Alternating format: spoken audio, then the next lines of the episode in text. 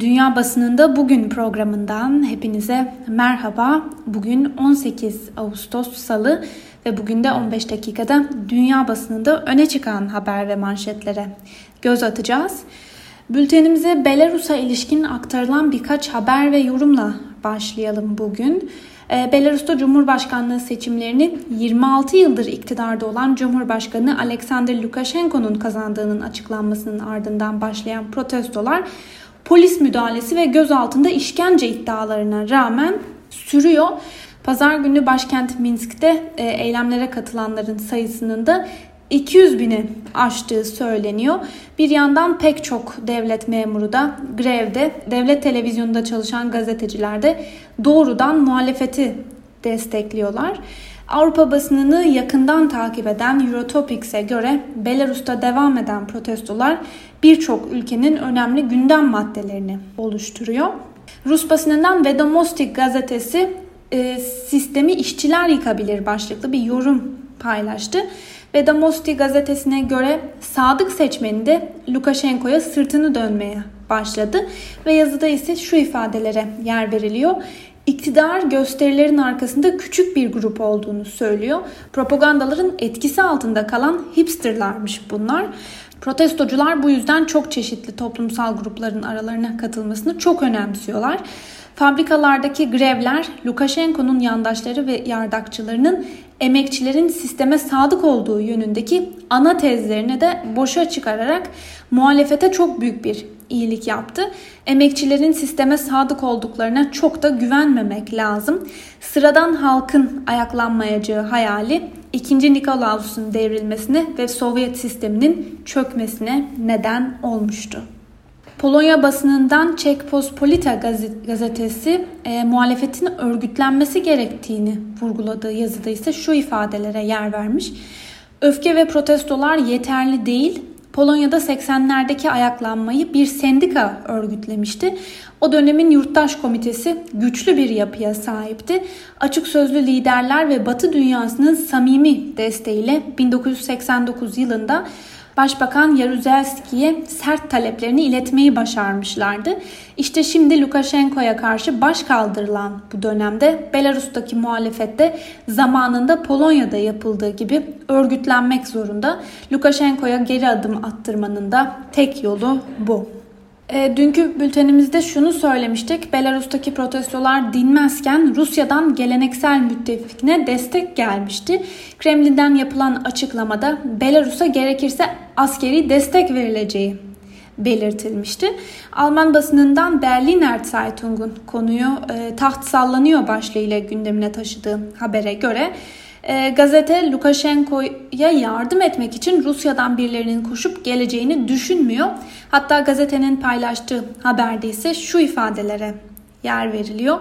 E, Lukashenko Rusya'da güven vermeyen bir partner olarak biliniyor. Cumhurbaşkanının Avrupa Birliği ile girdiği güç oyunları kendisinin eksi hanesine yazılmıştı. Rusya'nın çıkarlarına uygun tek çözüm Belarus'un bağımsız ve Rusya dostu bir tampon bölge olarak kalması. Göstericiler özgürlük ve bağımsızlık talebiyle yürürken muhalefetten siyasetçiler de Rus ekonomi dünyası ile ilişki kurmaya çalışıyorlar. O halde Lukashenko'nun imdat çağrısını stratejik olarak yorumlamak gerekiyor. Lukashenko gücünü kaybetmekten korkuyor. NATO'nun saldırıya hazırlandığını iddia ediyor. Bir taraftan da karşı gösteriler örgütlüyor.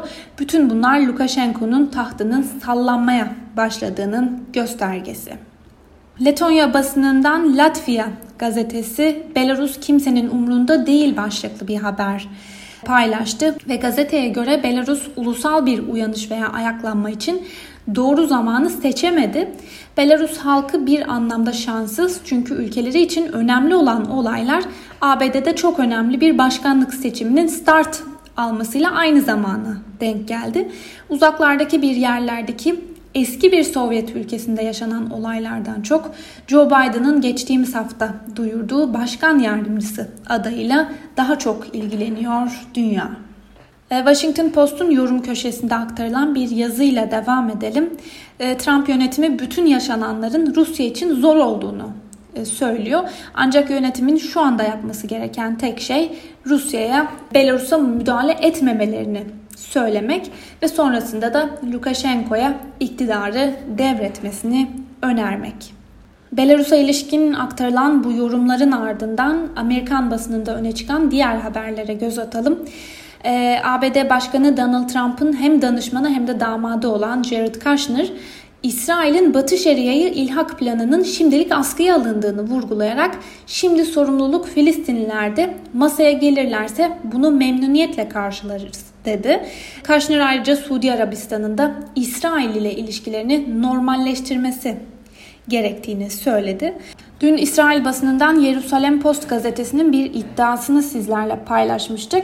Ve bugün de BBC, e, İsrail Birleşik Arap Emirlikleri'nden sonra başka ülkelerle de diplomatik anlaşmalar yapabilir mi başlıklı bir haber paylaşmış. Buna göre Birleşik Arap Emirlikleri'nin ardından bu kez Suudi Arabistan'da dahil Orta Doğu ve Afrika'da başka ülkelerinde İsrail'le benzer anlaşmalara sıcak bakıp bakmayacakları tartışılıyor.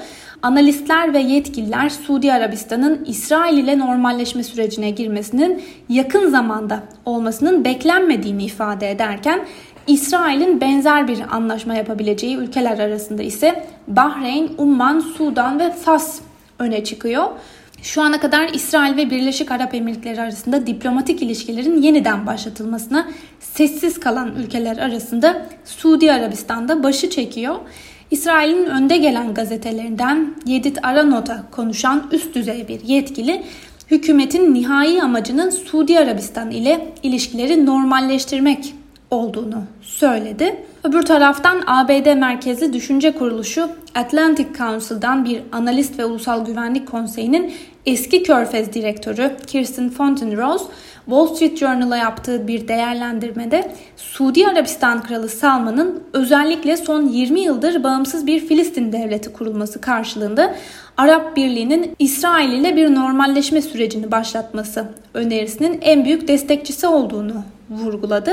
Ve Washington Post gazetesi köşe yazarı David Ignatius ise ABD Dışişleri Bakanlığı yetkililerinden aldığı bilgilere göre Fas, Umman ve Bahreyn'in normalleştirme adımı atacak ülkeler arasında en güçlü adaylar olduğunu yazdı. New York Times'ın bugün ilk sayfasında geniş bir yer bulan Demokrat Ulusal Kongresi dün başladı. Gazetenin demokratların kongreyi başlatmasına seslerin çeşitliliği yardım etti. Başlığıyla aktardığı habere göre kongrede farklı seslerin e, çokluğu dikkat çekti. Kongrede ön seçimleri kazanan eski başkan yardımcısı Joe Biden'ın da başkan adayı ilan edilmesi bekleniyor. Bu haberin ardından Voice of America'nın aktardığı bir haberle devam edelim. ABD'de 3 Kasım'da yapılacak başkanlık seçimlerinde posta yoluyla oy kullanılması ile ilgili tartışmalar devam ediyor.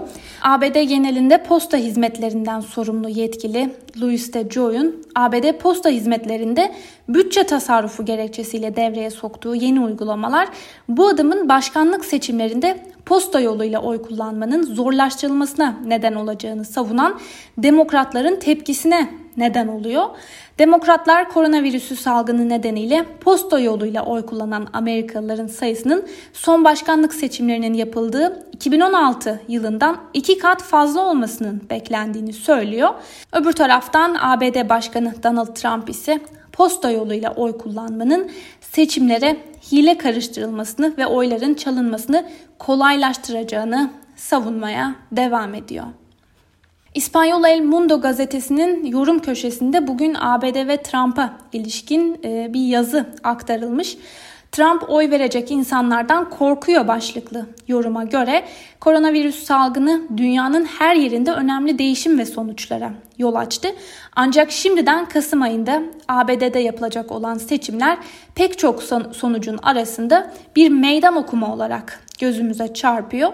Ülkede 5,5 milyona yaklaşmış olan vaka sayıları ve 170 binden fazla kişinin ölümüne yol açmış olan salgınla mücadele eden ABD'de uzmanlar bu kez de sonbahara doğru durumun daha da kötüleşebileceğini söylüyorlar.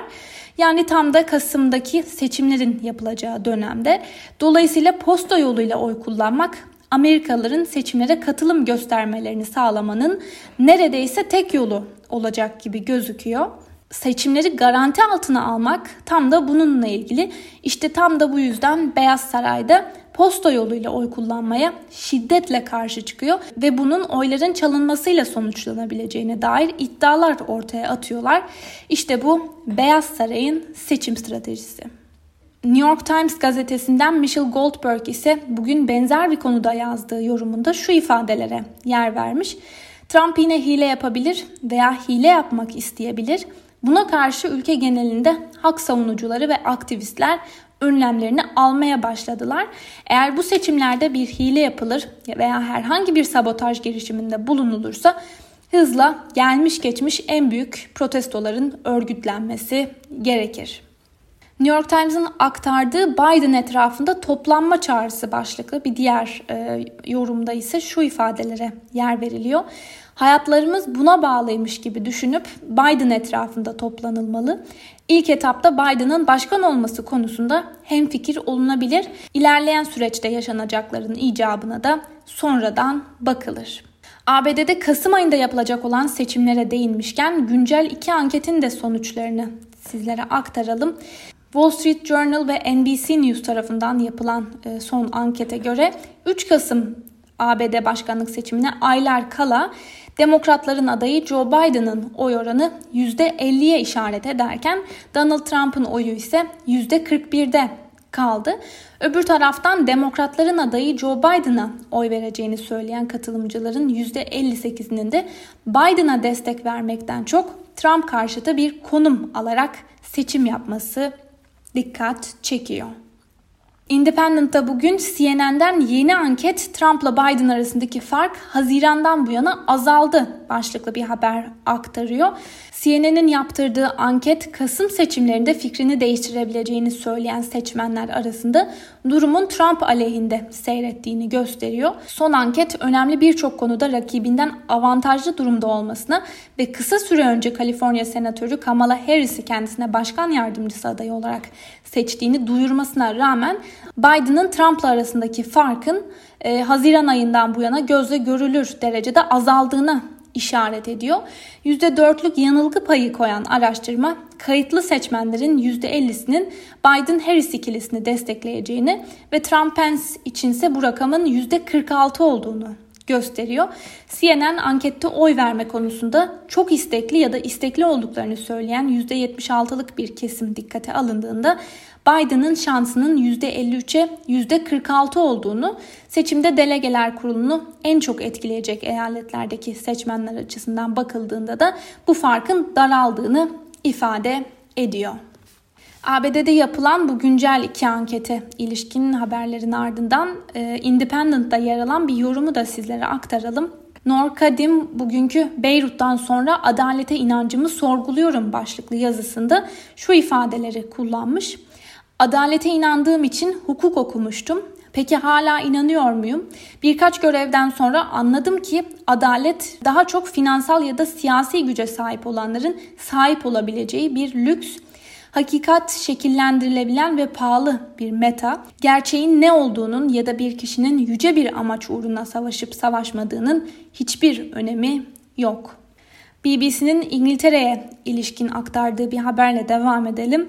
BBC'nin yaptırdığı bir araştırma Mart ayında koronavirüs salgını dolayısıyla getirilen sokağa çıkma kısıtlamaları başladığında ev içi şiddette ciddi bir artış görüldüğünü ortaya koydu. Önlemlerin ilk 7 haftasında polise her 30 saniyede bir ev içi şiddet ihbarı yapıldı ve şiddet gören kadınların üçte ikisi de yasaklarla birlikte bu durumun daha vahim hale geldiğini ve şiddetten kaçmanın daha da zorlaştığını söylediler. Bu haberin ardından Türkiye'yi de yakından ilgilendiren son haberimize geçelim. The Times gazetesi liranın bu yıl içerisinde %20 değer kaybettiğini ve ekonomistlerin de bu durumdan Cumhurbaşkanı Recep Tayyip Erdoğan'ı sorumlu tuttuğunu yazdı. BBC'nin aktardığına göre The Times gazetesinde yayımlanan Türkiye'nin lirayı kurtarmak için önündeki seçenekler azalıyor başlığı aktardığı haberde Erdoğan'ın 2018 yılında başkanlık sisteminin ilk cumhurbaşkanı seçildiğinde 4.73 e, olan kurun bugün 7.30'un üzerine çıktığı belirtiliyor ve haberde şu ifadeleri de yer verilmiş. Bir dönem ekonomik bir başarı öyküsü olarak övgü toplayan Türkiye bir kur krizinin içine düşüyor. Sevgili Özgürüz Radyo dinleyicileri, bu haberle birlikte bugünkü programımızın da sonuna geldik. Yarın aynı saatte görüşmek dileğiyle şimdilik hoşçakalın.